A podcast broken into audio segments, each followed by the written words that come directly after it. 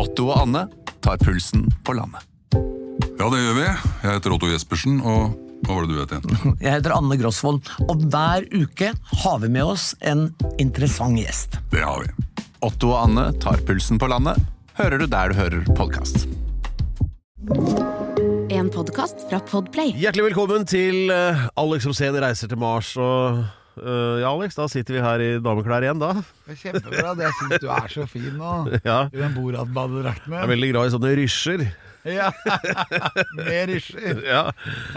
Ja, men det er bra at du er inkluderende, Pedro. Ja, jeg vil jo bare- Det er en viktig verdi. At du inkluderer folk som har litt kinky tilsnett. ja da, men det var egentlig mest for at jeg skulle bare sjekke at du var helt ved dine fulle fem. Og du vet, det er jo sånn eh, Hvis du har mistanke om at eh, noen du kjenner eh, har et lite drypp på gang, eller noe sånt, så er det et måter å sjekke det på. Ja, men jeg blir aldri forulempet. Nei, men det kan hende du har drypp likevel. Det kan hende. Jeg sjekker deg bare. At du kognitivt sett fyrer på alle pluggene, for å si det sånn.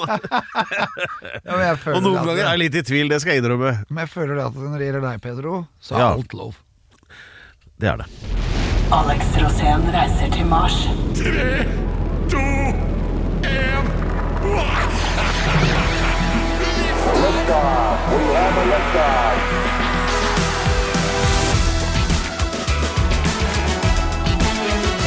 Siden denne uken ble lagt om til sommertid, så har vi dessverre ikke hatt tid til å strukturere helt innholdet i denne podkasten. Men vi, det er jo ikke sånn at vi ikke har noen stikkord på en lapp her. Jeg kan si det sånn at det, som helt sikkert kommer til å skje, Ja. er at vi skal innom tettsteder. Ja, det, det er en naturlov, det er jeg enig i. Ja, så det, Neida, men- Og dit kommer vi. Nei, men det er ganske vesentlige temaer som skal opp i denne episoden. Og det er jo alt fra hvordan planetene oppfører seg på uventede måter nå nå denne uka her, til, Verdensrommet, verdensrommet er veldig viktig. ja, til mer sånn domestic problems, som ø, avføringsutfordringer, hvis man har slått over til en litt sunnere livsstil. Dette skal da Det er mer innenlands. Ja, og vi skal hjem igjen. Ja, Og så blir det jo da litt om penger, fordi Alex har jo blitt så utrolig god med disse penga. Og det er ikke til å komme fra at den lakseskatten må få sitt i denne episoden her òg, ikke sant Alex? Ja, men det dreier seg om samfunnsansvar. Ja. Ja, det gjør det, og det er akkurat det vi driver med. Og podkasten 'Alex Rosén reiser til Mars' Det er jo ikke bare noe sånn at du skal på sånn tulletur, du skal jo redde planeten. Ja, det er faktisk snakk om bærekraft. Ja, Og det er sustainability, eller hva det heter på engelsk. Det er akkurat det det heter. Så ja, da får du en sånn, eh, sånn lite sånn, eh, sånn stjerneklistremerke i bukken Ja, det. ting må lønne seg, og det må være sånn at vi er på vei til å redde jorden når vi gjør ting. Ting må, altså at tjen massivt med penger mens man gjør det miljøvennlig. Er Ja, det for er- eksempel når jeg har vært på do, så tenker jeg det var et godt stykke gjødsel. ja, det er uh, mm, Men det må være veldig mye forandringer innenfor alle yrkes, yrkesgrupper for at vi skal nå klimamålet. Så eh, da Er det noe skal mer du lurer på da? ja, jeg, jeg lurer på hva som kommer til å bli effekten av det vi snart skal ta opp, og det er nemlig eh, by og land hand i hand, holdt jeg på å si. Altså, det er jo da, vi har jo to typer primærnæringer primært i det landet her. Altså det som foregår på havet, og det som foregår på land. Altså bønder og fiskere. Ja, du snakker om proteinkrigen. Ja, og vi skal få dyp og ektefølt innsikt i proteinkrigen her og nå hvert øyeblikk. Så med det Pedro, vi må, vi må ha noen jingler. En til, da. Kom igjen. Boom! Damer Pedro Gianfrantolo Cadella Hustados. Ja, takk God morgen. Og jaså, dere sitter og glor. Ja, du, det er eh, eh, Altså denne proteinkrigen, da, som vi kanskje noe lettvint eh, omtalte dette opp, eh, det er jo en helt reell ting. Det er en konflikt. Ja, og kan ikke du bare forklare hva det er? Ja, det er et slags regnskap. Det er et regnskap som kalles selvbergingsregnskapet. Som er det at det, det er et argument, da. At Norge må kunne klare å forsyne seg selv med mat. Og i det regnskapet så er det bøndene som står for eh, 100% av det regnskapet. Ok, unnskyld meg. må Bare sette opp scenarioet litt her. Altså, selvberging, det vil si at eh, dersom noe skjer, hvis f.eks. Alle de russiske tanksene ruller over Pasvikdalen og tar over landet, eller truer landet vårt, og kutter av forsyningslinjer og sånn, sånn at vi plutselig Oi, nå må vi klare oss sjøl her. Selvberging, det, det må være det. Ja. Eller at Hva- jeg reiser til Mars uten å si ha det. Ja, mm. nei, men, nei, men altså Hvis vi plutselig må klare oss selv av en eller annen årsak, eh, meteor, Putin eller hva det måtte være, så må vi ha noe å spise. Ja, fordi, Og hva er planen da? Det er selvbergings... eh, om det er regnskapet eller altså Det må jo være det som dette dreier seg om. ja, og, Ja. Den, eh, og da har bøndene, da, de som har lagd det regnskapet, tatt med alt det bøndene står for. Altså fugl, sånn som kylling, eh, lam, ku, eh, alt det vi kan spise fra dem, gris, Ja, eh, og korn. Alt det der er regnet inn. Men de har glemt å ta med fiskerne. Vi kan ikke spise fiskerne. Nei, men altså, fiskerne Ja, kommer jeg jo med skjønte det. fisk. Ja, jeg forstår det. Men så, så i dette Fisken er regnskapet over hva utelatt. vi skal leve av hvis vi blir avskåret fra resten av verden, så er ikke fisk med i regnskapet? Det er det du sier? Ja, Det er det de får kritikk for nå, da. Ja, men Det er jo veldig rart, for vi spiser jo faktisk ganske mye fisk. Ja, og Under annen verdenskrig så var det jo silda som eh, var, sto for veldig stor del av det proteinet folk fikk tak i. Altså, men hvorfor er ikke fisk med i det, det Det kan du spørre om, det er derfor jeg kaller det proteinkrigen. Fordi jeg er litt i krig med hverandre. Altså, Senterpartiet var jo for distriktene, men så har de jo glemt at uh, man får jo ikke fisk i, i byene. det er utenom gullfisk, da. men det er en del sånne småfisk, da, også, også storfisk, da, sånn som f.eks. fra Lofoten sånn. Så de føler seg litt sånn eh, Hva skal de for noe? Utelatt. Ja, men det skjønner jeg jo. Men, men dette her virker jo bare helt eh, ko-ko, egentlig. At uh, Hvorfor skal vi ikke kunne ha med fisk i Det jeg lurer på da, er, Gjør bøndene det med vilje? Er det Senterpartiet som er ute og ordner opp inne i Stortinget, og så glemmer de det med vilje? For de har jo også gitt dem denne grunnrenteskatten, og fiskerne føler liksom at eh, de blir behandlet som byfolk. Altså, det De skal er betale mer enn de tjener, da. Ja, du er inne på den der Eller grunnrente Eller lakseskatten, da, som Det er mange sånne skjær i sjøen som er lagt opp til de, og da tenker de fiskerne at dette er gjort med vilje fra Senterpartiet fordi at de fremmer da bøndene istedenfor. Ja. Men når det gjelder altså, dette her med Kan ikke du fortelle eh, Altså matproduksjon i Norge. Hvor, eh, hvor mye mat lager bøndene, og hvor mye mat produserer fiskere? Du kan si det sånn at uh, fiskerne de produserer jo uh, i merder og sånn masse laks, også, men de fisker også skrei, og de fisker sild. Masse, masse sild. Og de selger dette til utlandet, så veldig stor del av fisken går til utlandet. Mens uh, bøndene derimot, de har jo mye dyrere kuer og mye dyrere lam og sånn, så det er vanskeligere å eksportere det til utlandet. Ja, Du går jo ikke på en restaurant i Belgia og tenker at nå skal det bli godt med en god norsk kotelett. Eh, nei. det er akkurat det. Mens fisken du spiser, kommer ofte fra Norge, da. Ja. Sånn at uh, det er en konflikt her mellom fiskere, og den er helt sikkert i starten. Det kommer sikkert til å bli mer og mer av det. Så jeg bare spår det, at det kommer til å skje.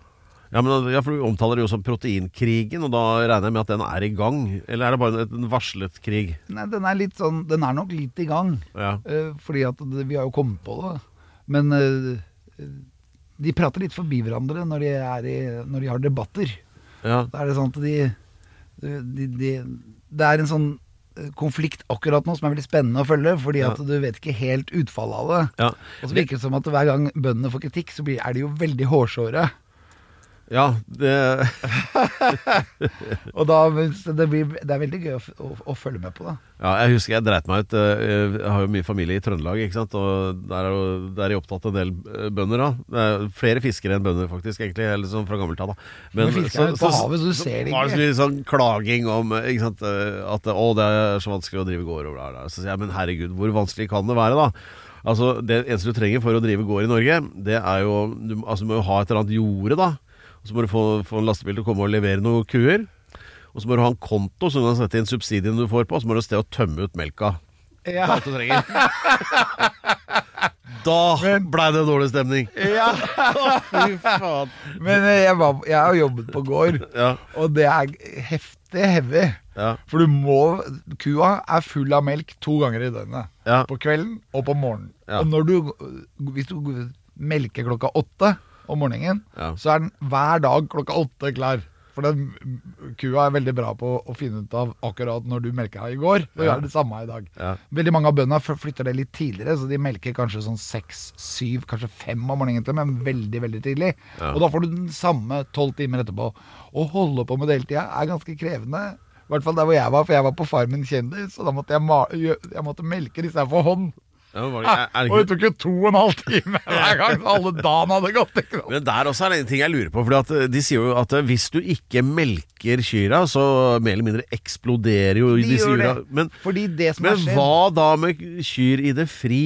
Er de avhengig av at det skal komme mennesker og liksom Veldig bra spørsmål. Jeg kan til og med svare på det. Ja. Dette er helt utrolig. Ja. Men det som er greia, er at eh, når eh, kuen får kalv, ja. da kommer melk. Akkurat som på mennesker. Ja. Men hvis du opprettholder melkingen av den kua, Ja. så slutter den ikke å produsere. Da tror nemlig kroppen at den har kalv hver dag. Oh, ja. Så da kan du holde det gående. Og da, men da må du ikke stoppe, Fordi da kan de få melkespreng først, og så får de betente jur. Og det er en sykdom som faktisk kuen kan dø av.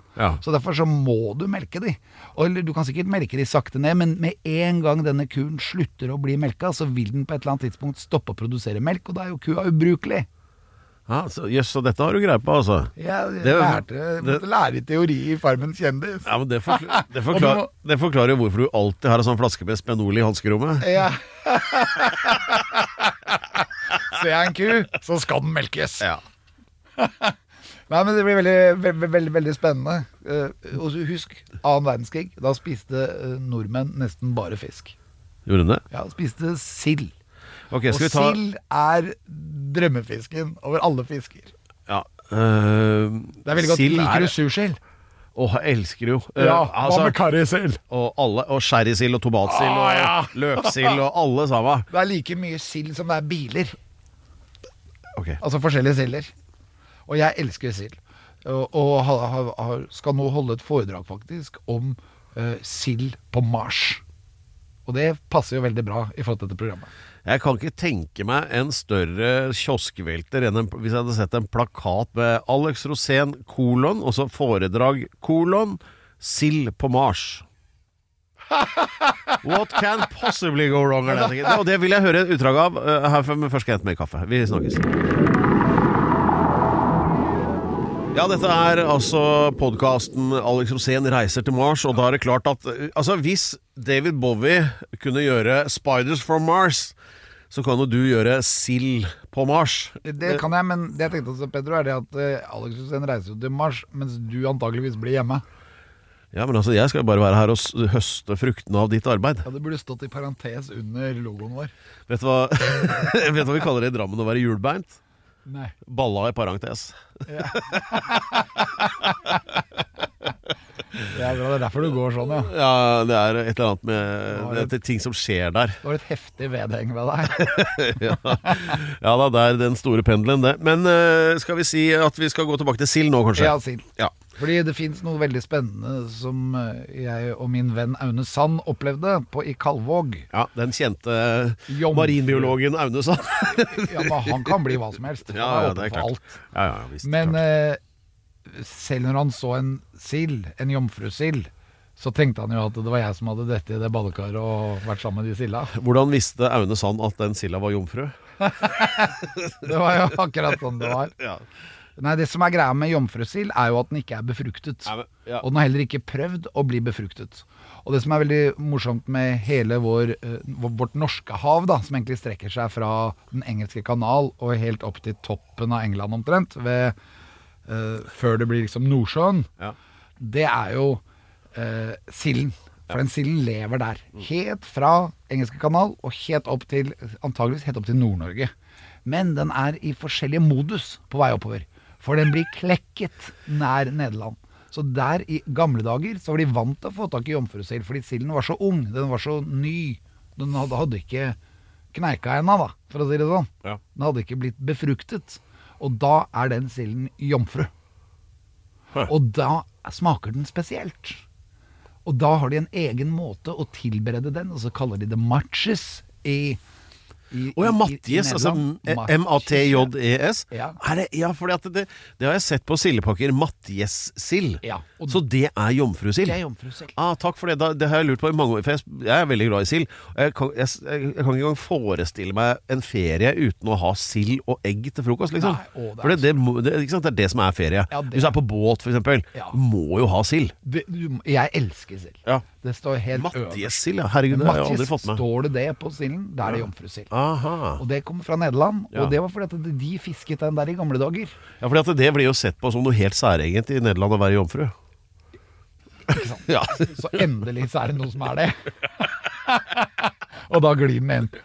Men eh, det som er greia Ja. Ja, det som er greia er at uh, denne silden forflytter seg opp på norskekysten, så hvis du får tak i den utafor Stavanger eller lenger nord, så er den ikke jomfru lenger. Nei, for da Da har det vært folk på den. Det er vanskelig det temaet her uten å skli ut, ja. Ja, men det fins jomfruer innafor alle dyr. ja. Ja, det er jo klart. Og, men det som er veldig, veldig gøy, er at når du får tak i den som vi bruker som spekesild, Ja. den er ikke jomfru. ja. Den har vært ute på tur, og den har antageligvis da vært der nede og lagt igjen eggene sine og kommet tilbake igjen. Så den er litt eldre, og du må behandle den deretter.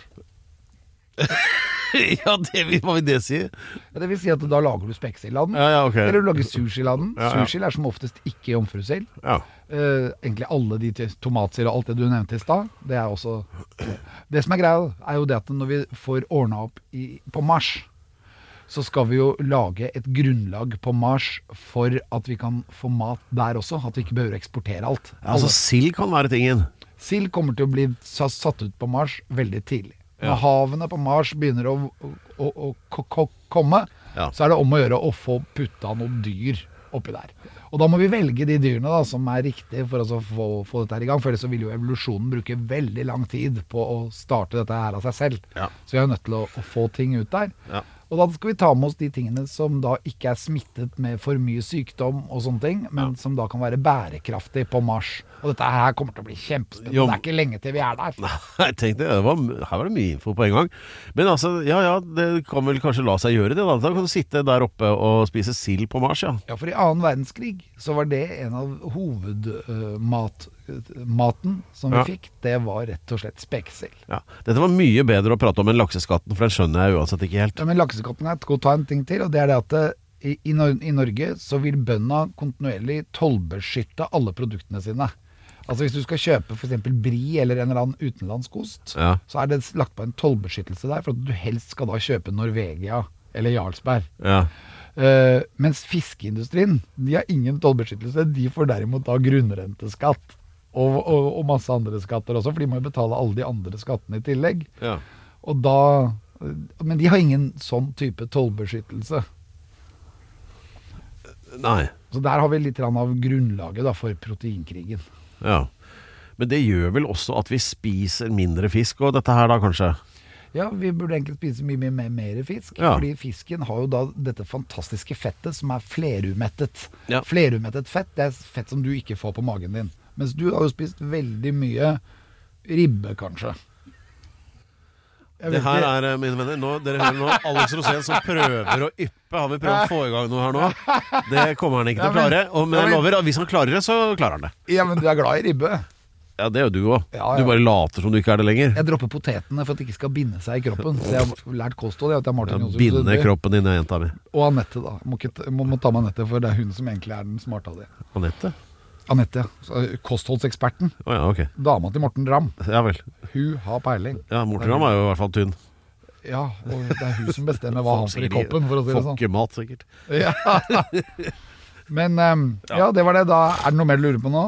Eh, nei Jo, Uh, det er en ting jeg, Jo, det, det, det lurer jeg på, og det har med krabber å gjøre. Og det skal, men om vi har litt pause, skal du få si noe om krabber. Krabber, ja. Det er Ja. det beste skalldyret av alle. Jeg Ja, pleier ja. å si jeg liker egg. Nei, jeg liker skalldyr. Særlig egg. Sånn var det. Hipp hurra for Mars. Eh, Alex Rosén skal reise dit. Eh, Vi kom så langt eh, i dette som ble lansert som proteinkrigen, da, som en slags sånn stillingskrig da, mellom de som produserer mat på land og de som produserer mat i sjøen, altså fisk og kjøtt, da, på en måte. Og det er jo sånn at vi nordmenn vi er jo født med uh, ski på beina, men ikke sushi. Ikke sant, Alex? Jeg, er født med litt sushi, da. Like på beina. Ja. Nei, men eh, nei, så greia var jo det at jeg ville over på det med krabbe. For det er én ting jeg lurer på. Og det her er sånn, Jeg har ikke spurt om det på forhånd, så dette er ikke forberedt i det hele tatt, men jeg tipper at du kanskje vet noe om det. Blant annet fordi du har jo, du har jo til og med vært på Kamtsjatka, har du ikke det? Jo. Eller i nærheten, Nei, jeg har ikke vært der, men jeg har vært i Russland. Ja, ok. Kamtsjatka Der- er helt på andre sida. Da hadde jeg gått av berserken. Der har, de jo, der. har de jo noen artige krabber som uh, heter De kalles jo kamtsjatka-krabbe der. Ja. Andre steder så kalles de jo for både kongekrabbe og annet, da, eller king crab, som i den der uh, amerikanske TV-serien, ikke sant, om disse krabbefiskerne. Mm. Uh, men poenget mitt er at på et tidspunkt så gikk jo kamsjatka-krabben, de store trollkrabbene som noen også kaller dem, på havbunnen, gikk noe altså nordspissen av Norge, på havbunnen, og de, De ble, er satt jo ut, de ble satt ut av russerne, fordi de tok den fra Kamtsjatka, og så satte de den ut også i Barentshavet. Ja, og på en måte tar over hele havbunnen, fordi de utrydder jo alle andre arter som er der, og det blir jo et problem. Og det er et veritabelt mylder av trollkrabbe på havsbunnen der oppe. Ja, Veldig spennende å være Det er faktum nummer én. Og faktum nummer to er at det er det beste jeg vet, er trollkrabbe. Altså, det finnes ikke bedre mat. Altså, de, de, det er disse med de lange beina Det ser ut som ja, skal vi si en stor edderkopp, da, omtrent. Ikke sant? Med sånne lange bein. Og de beina der sånn grillet Altså, det fins jo ikke noe bedre. Eh, er du enig, Alex? At det er utrolig ja, digg? Det er fantastisk. Også det som er Men spennende de med det koster jo faen meg 700-900 kroner kiloen. Ikke banne nå. Nei, beklager det.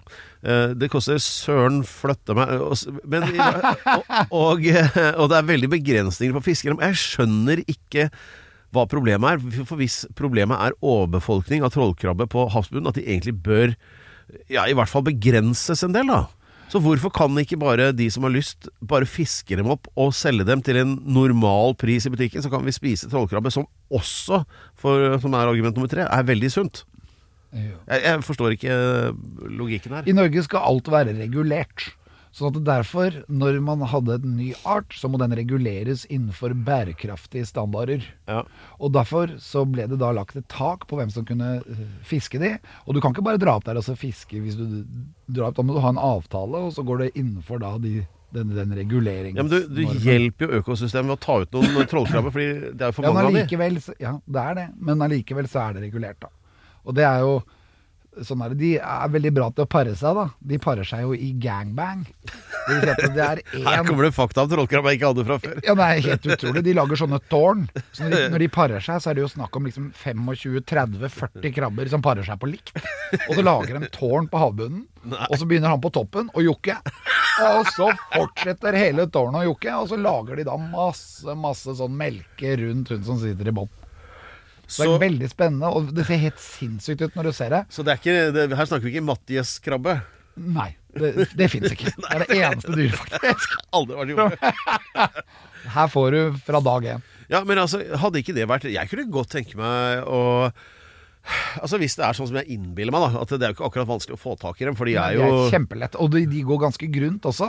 Innimellom, i hvert fall om sommeren og sånn, så kan du seile oppe i, på Fi- Finnmarkskysten. Ja. De det er jo der de er. De er på Finnmarkskysten, og så er de et lite stykke rundt kanten av Norge sørover. Men de har ikke kommet så veldig langt. Og det var veldig stor frykt for at de skulle komme mye lenger Men sørover. ville ikke, ville ikke dette vært en fantastisk eksportartikkel? Altså en fanget vill eh, sånn krabbe som man kan selge nedover i Europa for gode penger? Hadde ikke det vært mulig? Jo, jo. Og vi, vi gjør nok det. Vi eksporterer det også. Ja, ok Det vil jeg tro. Eh, men om vi gjør nok av det, og om det er noen målsetning å stoppe utbredelsen av den, det vet jeg ikke. Nei, men altså for hvis de er De er jo så hardføre, disse trollkrabbene. Og så seksuelt aktive, som du sier. Ja, så de formerer seg veldig tydeligvis. Så, så det må jo gå an, å, gå an å ha oppdrett av, av de, da. Skulle man jo tro. Ja, Det, men det behøver ikke, for at de overtar jo alt. Det er så mye av den, men du kan sikkert ha oppdrett av det. Men eh, det er veldig mye av den. Det er så mye av den at du kan kjøre båt oppe i Finnmark, og så kan du titte ut av båten der det er grunt, og så vil du se flere av de. Ja. De Ja, jeg, jeg tenkte sånn at Hvis du lager sånne mærer som er tilpasset sånne krabber, da, så trenger man jo ikke båt engang. Det er jo bare å gå ut og liksom sveive opp fangsten, liksom. Ja. Burde jo være mulig. Det burde være mulig om, å, å også fange de. Men jeg vet ikke, de er jo veldig dyre, så det burde jo også være mulig da å, å fiske opp mange av de og tjene masse penger av det. Og så Ja. kommer det litt sånn grunnrenteskatt da i tillegg, selvfølgelig. Når. Ja, fordi der, der her, jeg, bare, jeg prøver å forstå den derre lakseskatten. Der var det altså, skal vi se For denne uken da, så trakk jo regjeringen seg lite grann på den lakseskatten, øh, og istedenfor uh, Hva var tallet? 40% så skulle det være 35 Og da er SV sure, fordi at det er Oi, oi, oi, nå blir det altfor billig for fiskemilliardærene. Mens alle andre, eller ikke alle andre, men en del på den andre motsatte siden, sier at eh, ah, nei, det er for lite reduksjon. Og så står det at den effektive skatten blir dermed senket fra 62% til 57 Altså er det effektiv skatt på 60% Ja, det svir, det. Altså jeg, jeg, jeg skjønner ikke dette, men eh, Nei, det er jo det er når du legger sammen alle disse forskjellige skattene, for du har jo en vanlig skatt i bunn, ikke sant. Du har en sånn flat skatt som alle betaler, som er omtrent som utbytteskatten. Ja. Og så har du da eh, Hvis du tjener mye penger, så får du en sånn ekstraskatt oppå det, og desto mer du tjener, så desto mer skatt får du. Og med grunnretteskatten får du da i tillegg. Så det er jo, og så har du jo formuesskatten, og det, det er jo masse skatter som må forholde seg til. Ja. Det er ikke bare bare. Hiv og hå, snart er skatten vår. Nå skal vi leve Nei, vi Men- starter, vet du hva, Alex, vi starter sånn der krabbeoppdrett, gjør vi. Ja, men det viktigste med eh, proteinkrigen er jo det at eh, det er antageligvis på, for jorden sin del mer bærekraftig at folk spiser fisk enn f.eks. ku. Fordi kuene promper og driter og holder på og spi, drikker vanvittig mye vann. Det er jo flere tonn vann på en burger på Mækkern. Ja. Og, og derfor så vil det antageligvis være smart og, og, og at vi spiser den maten som jorden tåler best å lage til oss. Ja. Og, de, og der har vi det med fettet, vet du, som jeg begynte så vidt på å prate om i stad. Men flerumettet fett, det Ja. tisser du ut. Det blir ikke hengende i kroppen din. Det er litt som eh, smørboksen i kjøleskapet. Den blir hard, for den er mettet. Ja. Men hvis du har f.eks. olivenolje som er enumettet ved siden av, så kan det bare bli sånne småklumper i den. Men har du en, eh, en makrell som ligger der, så kan den nesten gå ned til frysepunktet uten at den blir hard. Og det kommer av den, det fettet. Det er rett og slett på atomær oppbygning så er det knekker i fettet som gjør at det skal veldig mye til for at det fryser. Og det, da skal det veldig mye til for at det pakker seg på, på tuppen av magen. Apropos eh, kroppslige deler. Jeg var og fikk eh, omtale fra en, eh, en eh, overlege i går for jeg, på en undersøkelse at et organ jeg hadde, var lite og mykt og søtt. Vet, vil du gjette hvilket organ det var? Jeg kan tenke meg at det var det organet som henger foran de Det er ikke det, nei, men det er, men det er riktig region. Er det det, ja? Ja. Er det navlen? Nei, det var prostataen. Oi, den yep. var liten og søt. Ja, Yes. helt perfekt. Du har en søt prostata, Ja, Pedro. Ja, var veldig fornøyd med. Du, når undersøkte du din sist? Ja, det er ikke lenge siden. Det var en tann- tannlege, holdt jeg på. Var det, var det frivillig? Det var en eller annen som sjekka det her. Ja, ja. Jeg fikk litt sånn Oi, hva skjedde der? Ja da, nei, du kan hold fist in there, doctor. Men eh, Ja, men eh, bare gjør det alle sammen, for det er lurt. Særlig for menn. Beklager på, på, på det aller sterkeste at jeg avfeide deg litt for tidlig, for du hadde mer på gang når det Ja, gjaldt var temaet prostata. Prostatakjertel. Alle Ja. menn har prostatakjertel. Ja. Ja, utenom Den- de som har fått operert den bort, da, men da er det Ja, fordi de ikke har fulgt godt nok med. Det viktigste er å ha jevnlige comshots. At det var? At du har utløsning eh, relativt ofte, da, for da får den masse å holde på med. Så du må bare ha comshots. Er, er dette noe som er, du kan liksom begrunne medisinsk på noe vis, eller er det bare din Nei, egen det er teori? fordi at dens oppgave er å tette igjen Uh, urinveiene når du har comshot. For du skal ikke, når du har comshot, altså utløsning, Ja. så skal du ikke ha urin i det. Så derfor lemper den kn knekker den igjen tissinga di Ja. når du har blow blow, holdt jeg på Så, å si. så det her Ok, så du trener nå Så det er egentlig bare et sånt element du bør legge inn i uh, treningssystemet ditt. At Ja, du har du bør ha et ti armhevinger, ti, ti situps og en og et comshot. ja. Da er det jo det er så fin morgengymnastikk, da. Ha det hver dag. Det vil hjelpe Ja. på prostata. Ja, Og så på humøret, gitt. Og, og der her kan jeg jo se for meg at du kan ha treningspartnere. Ja, det har jo du. Du Ja. er jo gift, Ja, så det burde jo gå på skinner. Det her er jo win-win. Ja. Ja. Vin en vin. Nei, men Det er veldig viktig bare å, å opprettholde sånn at du Fordi prostata kan jo plutselig bli dårlig.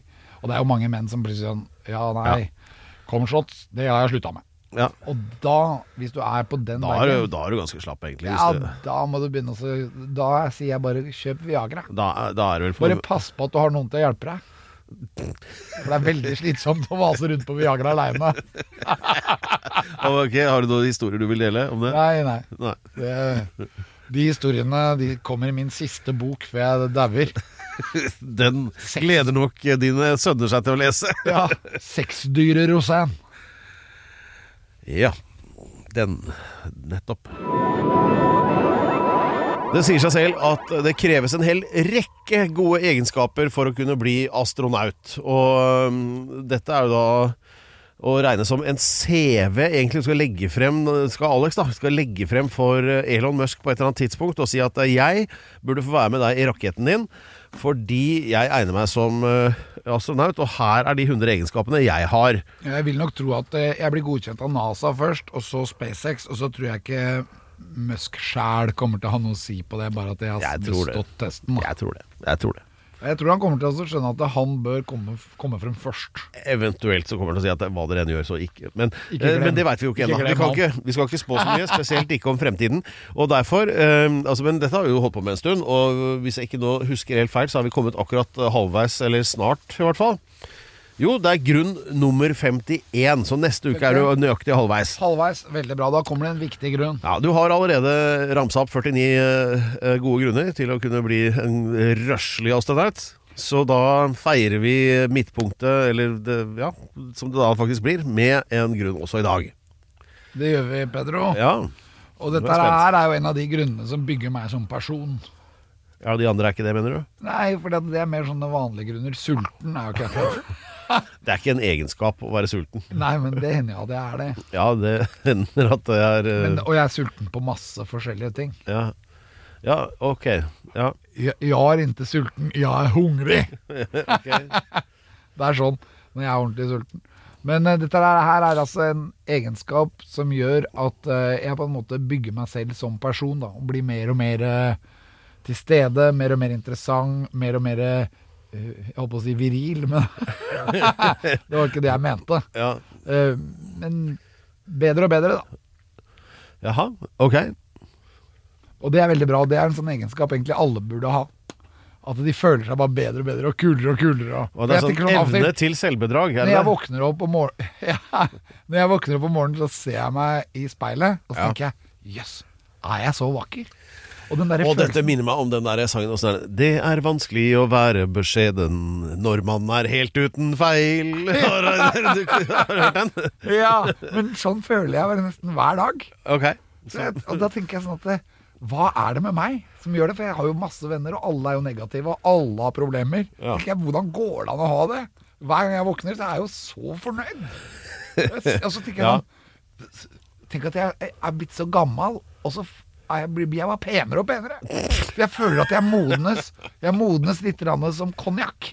Ja, desto eldre den er, desto bedre blir det. Ja, ja. Mens jeg veit om mange som modnes som melk. ja altså Konjakken blir jo også rundere og rundere, vet du.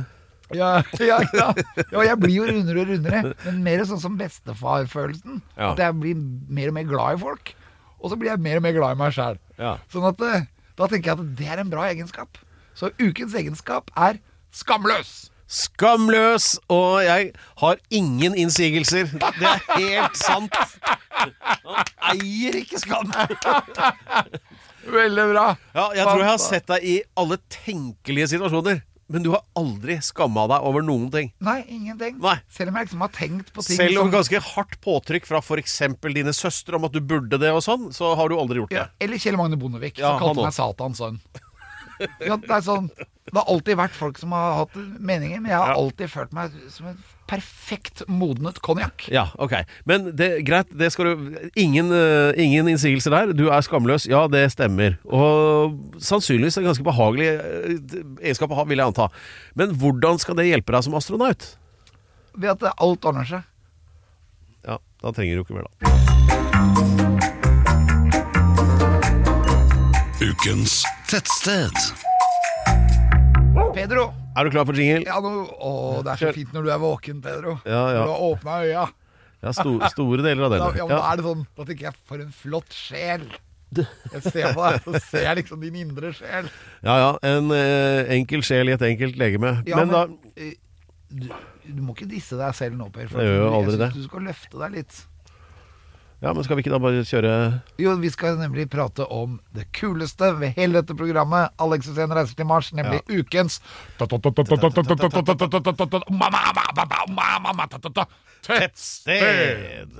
Ja, det er eh, tettsted, ja. Det er noe vi har i det landet her. det var feilaktig forklart, eh, så jeg på det der Google Maps. Vet du hva det står at tettstedet er der, eller? Småby. Det stemmer jo ikke. Det er jo feil. Nei, det er jo ikke småby. Altså, når vi var på Oppe her hvor jeg var på den der som jeg ikke husker noe med ull... u- u- Våtvoll! Ja.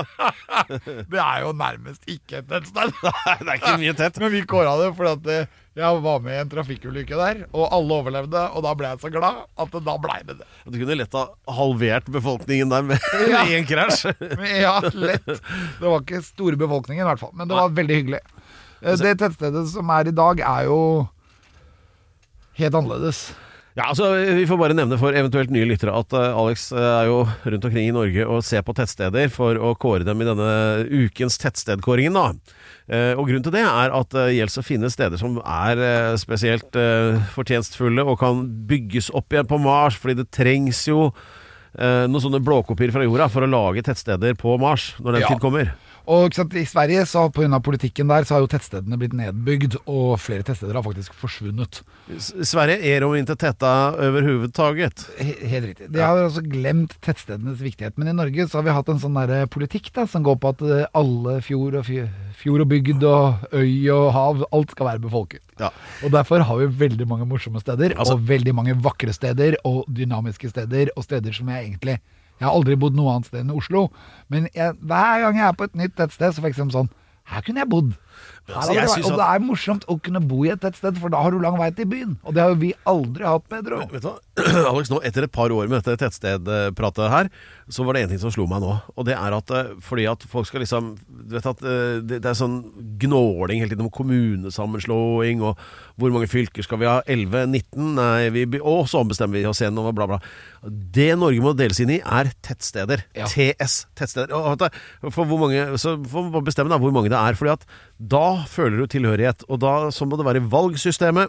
Ja. Ikke sant? At du øh, ja, ja, så kan man jo da Tettstedene kan alliere seg med hverandre Ja, og og velge jeg- fritt. Og så tror jeg alle politiske partiene hadde vært enig i det, at det hadde vært en god idé. Så det her skal du skal kringkaste til Jan Bøhler. Ja, så vi- kan Jan Bøhler ta med seg dette på Stortinget, og vips, så er vi i gang. Drit i kommune og fylke og fylkeskommune. TS.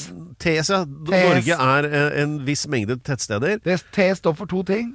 Tettsteder og ta på skademelding.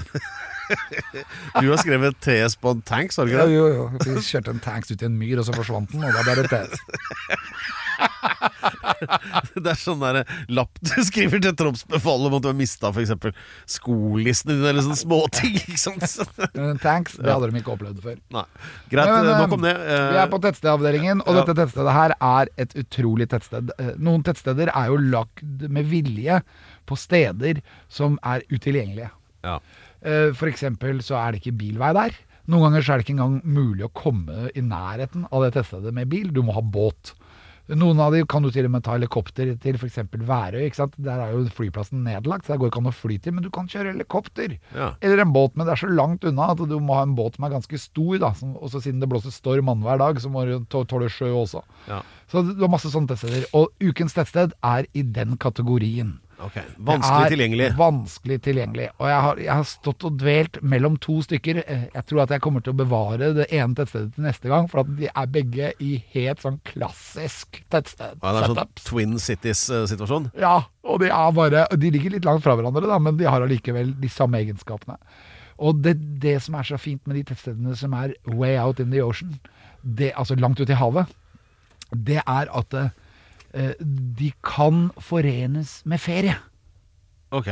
Altså, du kan dra dit og være på ferie der. Nå kan du være det i alle tettsteder, men jeg veit ikke om så mange som drar til Båstad på ferie. Fordi at det er mer et rocka tettsted, så der Nei, går du på rockekonsert. Jeg skal ut på Vega på ferie i sommer, Ja, når Rune. Rudberg spiller i Båstad, det er en egen opplevelse. Da gjelder det å være eh, vaksinert.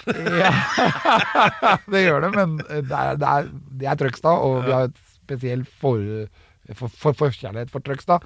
Men vi må hoppe på den andre siden av, av Norges land. Vi skal ut der jeg var sammen med Roger Berntsen og hadde aksjeshow.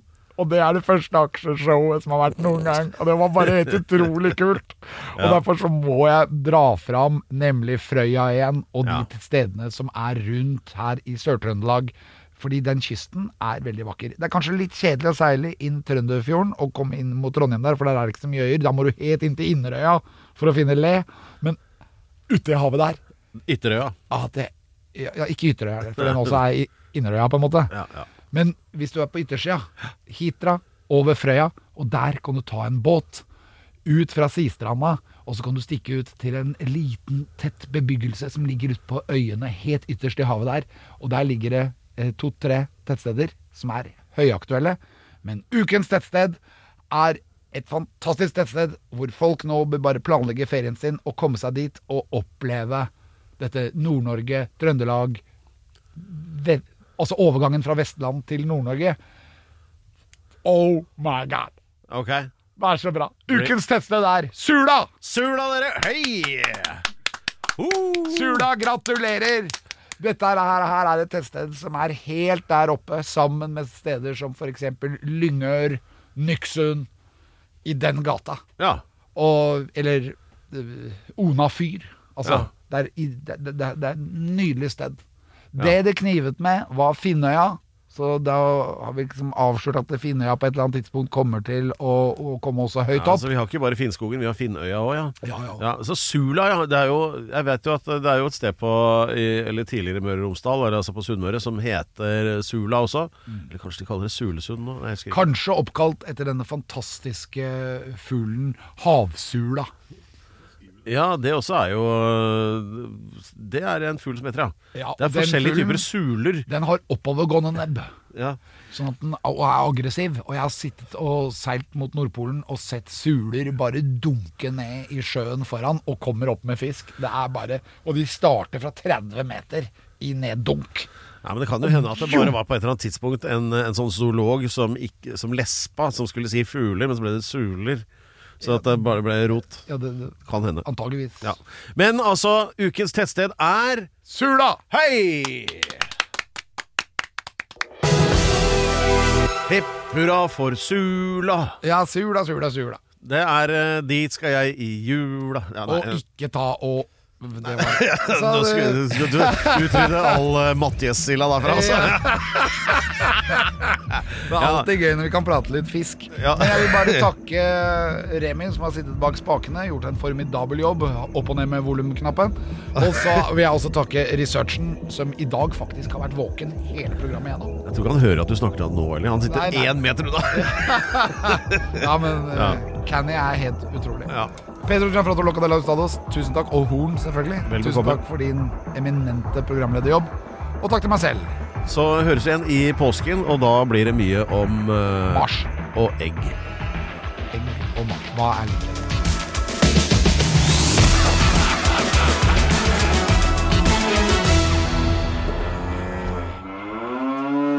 Du har hørt en podkast fra Podplay. En enklere måte å høre podkast på. Last ned appen Podplay, eller se podplay.no.